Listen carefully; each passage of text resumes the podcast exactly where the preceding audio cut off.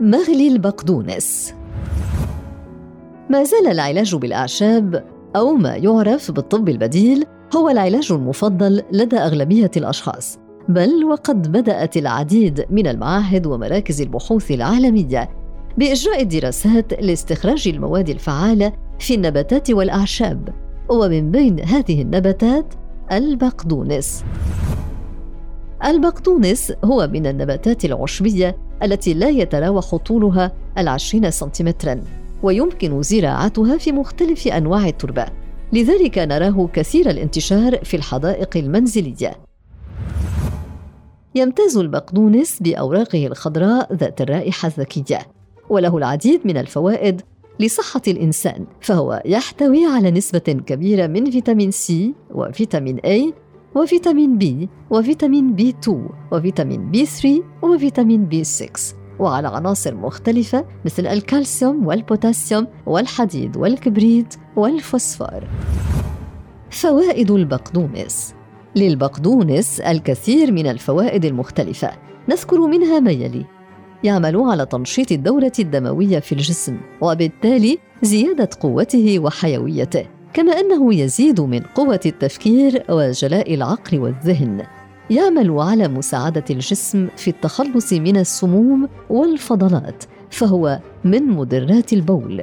يعمل على علاج الكبد من الأمراض مثل الريقان ويعمل على حماية الجهاز البولي من تكون الحصى وتجمعها ويخفف من الآلام التي قد تصيبه. يساعد في تجدد الخلايا وعلاج بعض الأمراض التي تصيب الجلد مثل الإكزيما كما أنه يستخدم في علاج الردود التي تحدث في الجلد نتيجة الصدمات ومساعدته على إعادة اكتساب لونه الطبيعي. يساعد في علاج الالتهابات التي تصيب المفاصل مثل الروماتيزم. ويعالج الالتهابات في العين. يساعد في التخفيف من درجة الحرارة عند الإصابة ببعض الأنواع من الالتهابات. يعمل على تغذية الشعر وتقويته وزيادة لمعانه وحمايته من التلف والتساقط. يساعد في تغذية البشرة وصفائها وتخلصها من الحبوب والمشاكل التي تصيبها. كما أنه يقوم بحمايتها من ظهور التجاعيد بفعل المركبات الموجودة فيه. يعمل على تنشيط الجهاز الهضمي والتخلص من حموضة المعدة والاضطرابات التي تصيبها. كما أنه يساعد في زيادة قدرة الجسم على امتصاص الحديد من المواد الغذائية بسبب تواجد فيتامين سي. ينصح به عند اتباع حمية غذائية بسبب كمية الألياف التي يحتوي عليها.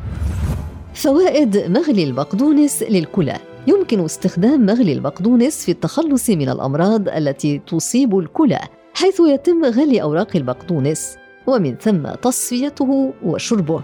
ويقوم هذا المشروب بمساعدة الكلى في عملها على تنقية الدم من السموم والفضلات وطرحها إلى الخارج ويساعد في منع تشكل الحصى فيها. وفي الجهاز البولي بشكل عام ويساعد في تفتيتها في حال كانت موجودة ولكن يجب المداومة على شربه لفترة من أجل الحصول على النتيجه المرجوة كما يجب غسل الأوراق جيدا قبل استعمالها.